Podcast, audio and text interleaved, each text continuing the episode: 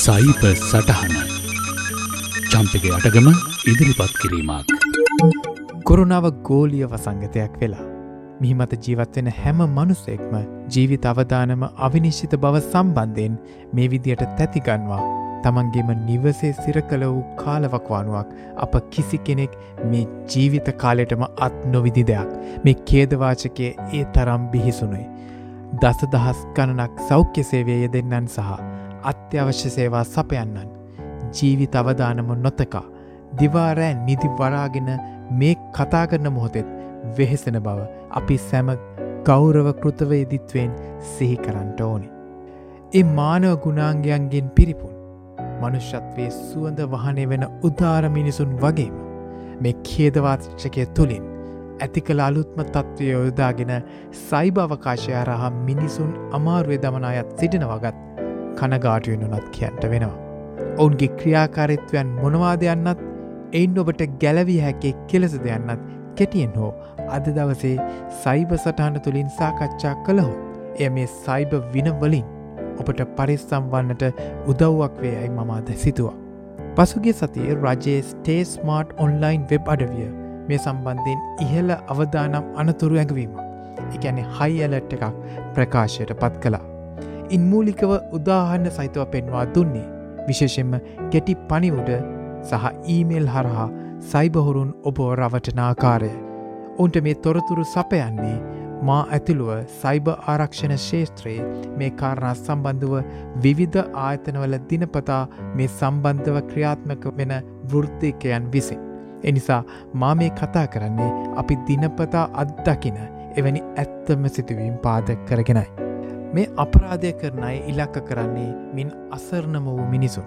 තම රැකියාව අහිමි වූ හෝ ජීවනෝපාය අගතියට පත් වූ මිනිසුන්ට රජයෙන් ඒ සම්බන්ධව සහන මුදලක් සපයන බවට ප්‍රකාශ වෙන දවසම SMS පනිවිඩයක් ලැබෙනවා GOV එනම් ගෝව් ලෙස සටහන් වෙන ආයතනයකින්. එවැනි තවත් පනිවිඩකින් කිවුණේ කොරුණා වෛරසට අදාළ පරීක්ෂණ කටයුතු කරන ස්ථාන සම්බන්ධව.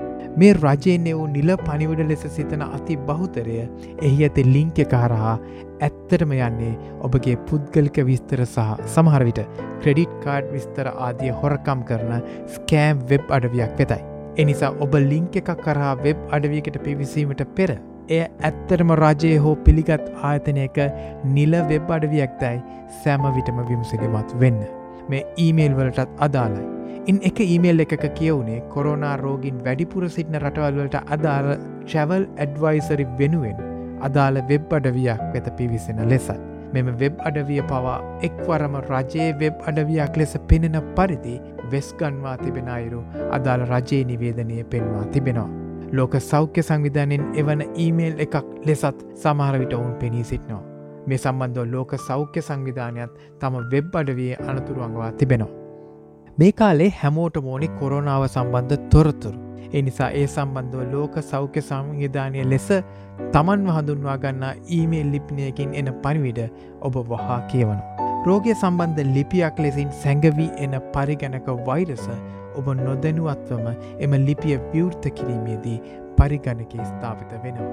බොහොමිට මෙවැනි මැල්වයකකින් කරන්නේ පරිගණකේ පාලනය සයිබ අපරාධකරුවාට හිමිකරවීම. කප්පම් වෛර සහරා හෝ වෙනත් ක්‍රම්වලින් ඔබව ඔවුන්ගේ කූට සැලසුමට නතු කරගන්ට ඔවුන්ට පුළුවන් වෙනවා. තවත් එක් උදාහරණයකට අනුව රජයේ සහන ලබා ගැනීමට පවසා එවන ලද ඊමේල් එකක ඉල්ලුම් පත්‍රයක් අන්තර්ගතව තිබුණා. එය විවෘත කරද්දී පසුබිමෙන් හානිකර මෘදුකාංගයක් පරිගණක ස්ථාවිත වෙනවා. ඒ සමගම කොවිඩ් සම්බන්ධ ඇප් ඉන්ස්ටෝල් කර ගැනීමේදීත් විමසිලිමත් වන්න. මෑතකදී ඇන්ඩරෝයිඩ් උපාංග වෙනුවෙන් නිර්මාණය වූ තමා අවට සිටින කොරෝනා රෝගීන් ගැන විස්තර දෙනවා යයි කියූ ඇප් එකක් ඇත්තරම කර තිබුණේ ෆෝන් එකේ කප්පම් වෛරසයක් ස්ථාපනය කිරීමයි. මේ දිනවල බොහෝ දෙනා අන්තර්ජාලය හරහා රැකියස්ථානය වැඩ කිරීම අධ්‍යයන කටයුතු කිරීමට ආදියට ස්කයිප් සූම් වැනි වීඩියෝ කන්ෆරන්සිං ඉතා ජනප්‍රිය ලෙස භාවිතා කරනවා. කිසි දිනක එවැනි තාක්ෂණ භාවිතා කිරීම තබා. ඒවායෙන් නමුවත් දැන නොසිටි බොහෝ දෙනාට දැන්නෙම සේවාවන් භාවිතා කරන්නට මේ පෙර නොවූ විරු තත්ත්වය විසින් බලකිරල තියෙනවා. මින් අතිශය ජනප්‍රිය වුණේ සූම් තාක්ෂණය. නමුත් දැන් පර්යේෂකයන් එම තාක්ෂණය හරහා පවා පිටස්තර පුද්ගලයන්ට සම්බන්ධ විය හැකි අවධානමක් ගැන අනතුරු අගවනවා. මේ සියල්ල සඳහන් කළේ ඔබෝ මේ සම්බන්ධව අනිසිබියකට පත් කිරීමට නොවේ. මේ සම්බන්ධව අවධානව පෙන්වාදීමට පමණයි. නමුත් අපට මේවායි නිතා පහසුවෙන් ගැලවී සිටීමට හැකි. ම කලින් සඳහන් කළ පරිදි. මූලිකෝම ඔබ වෙතෙන ඊමේල් සහ කෙටි පනිවිඩ දෙස සැකයෙන් බලන්න පුරදුවන්න. එවිටෙහි සැක කටයුතු ලිංක එකක් හෝ ඇටෑච්මන්ට එකක් තිබේ නම් හෝ ඒ ඒවා ඇති ලෙස සඳහන් වෙන නාමේ අඩුපාඩුවක් තිබේ නම් ඒ ඔබට පහසුවෙන් හස්සු කරගත හැකි වෙනු ඇත.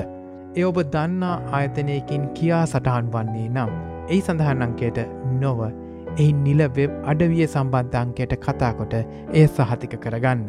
කොරෝනාව සම්බන්ධ විස්තර රජයෝ වෙනත් වෙබ් අඩවලින් පමණක් ලබාගන්න. බැංකුවැනි බොහෝ ආයතනවල ඔවුන්ගේම නිල ඇප් එකක් තියෙනවා. හැකි තරම් එවැනි ඇප් භාවිතා කරන්න. සූම් වැනි වීඩියෝ කන්ෆරන්සිං සේවාවක් මා ඉහත සඳහන් කළ කාරණයෙන් නිසා භාවිතාවෙන් ඇත් කරන්න එපා. ඔවුන්ගේ බ්ලොග් පිටුවල ආරක්ෂිතව සම්බන්ධ වෙන අයුරු සහ පිටස්තරයන් ඈත් කර තබාගන්නා අයුරු ගැන ඉතා සරලව විස්තර සඳහන් වෙනවා. එනිසා ඒ ගැන කියවන්නට විනාඩි කිහිපයක් බෑකිරීමෙන් මෙ අවදානම්වලින් පහසුවෙන් මිදී හිත සැනසිල්ලෙන් ඒ සේවාවන් ලබාගන්නට ඔබට පුළුවන්. බැංකු රජ්‍යආයතන ඔස්ට්‍රලියයා පෝස්වැනි විශාල ආයතනවල මෙම ස්කෑම් ගැන දැනුවත් කරන වෙබ් පිටු තියෙනවා. සැක සහිත පනිවිඩයක් ඊමේල් එකක් ලැබුණේ නම් එම පිටුවට ගොස් එත් තහවුරු කරගන්ට පුළුවන්. එම පිටුව මතකයේ තබාගන්නට අවශ්‍ය නැහැ. අන්තර්ජාලයේ Google වැනි සෙවුම් යන්ත්‍රයක් කරහා අදාළ පිටුව තත්පර ගානකින් සොයාගන්ට පුළුවන්. ඔබට මේ මොහොතේ අවශ්‍යනම් ඔස්ට්‍රේලයා පෝස්් ස්කෑම් යන වචන තුන එකට Google කරන්න. සෙවුම් ප්‍රතිඵලවල උඩින්ම දිස්වන්නේ අප ආයතනයේ නිල ස්කෑමැලට්ස් පිටුවත්. එ නිරතුරුව යාවත්කාලින කරන්නට අපි දැඩි වෙහෙසක් ගන්නේ සයිබහොරුන්ගෙන් හැකි පමණින් ජනතාව පේරා ගණටයි. කොරෝනාව නම් රූස්ස ගසෙන් වැටෙනයට අනින්නට තිරිසන් ගොන්නු අවශ්‍ය නැත. අවැසිවා ඇත්තේ එකම මිනිස් පවුරක් ලෙසින් අපි එකිනකාව ආදරයෙන් රැකබලා ගැනීම වේ. එනිසා මේ දැනුවත්කමේ පනිවිඩිය හැකි පමණින් බෙදාගෙන අපි සයිබහුරුන්ට පෙන්වා දෙමු මෙ මිනිස්කමේ හෝරාව බව. අදත් ඔබට සයිබ සටහන ගෙනා මම් චම්පික යටක.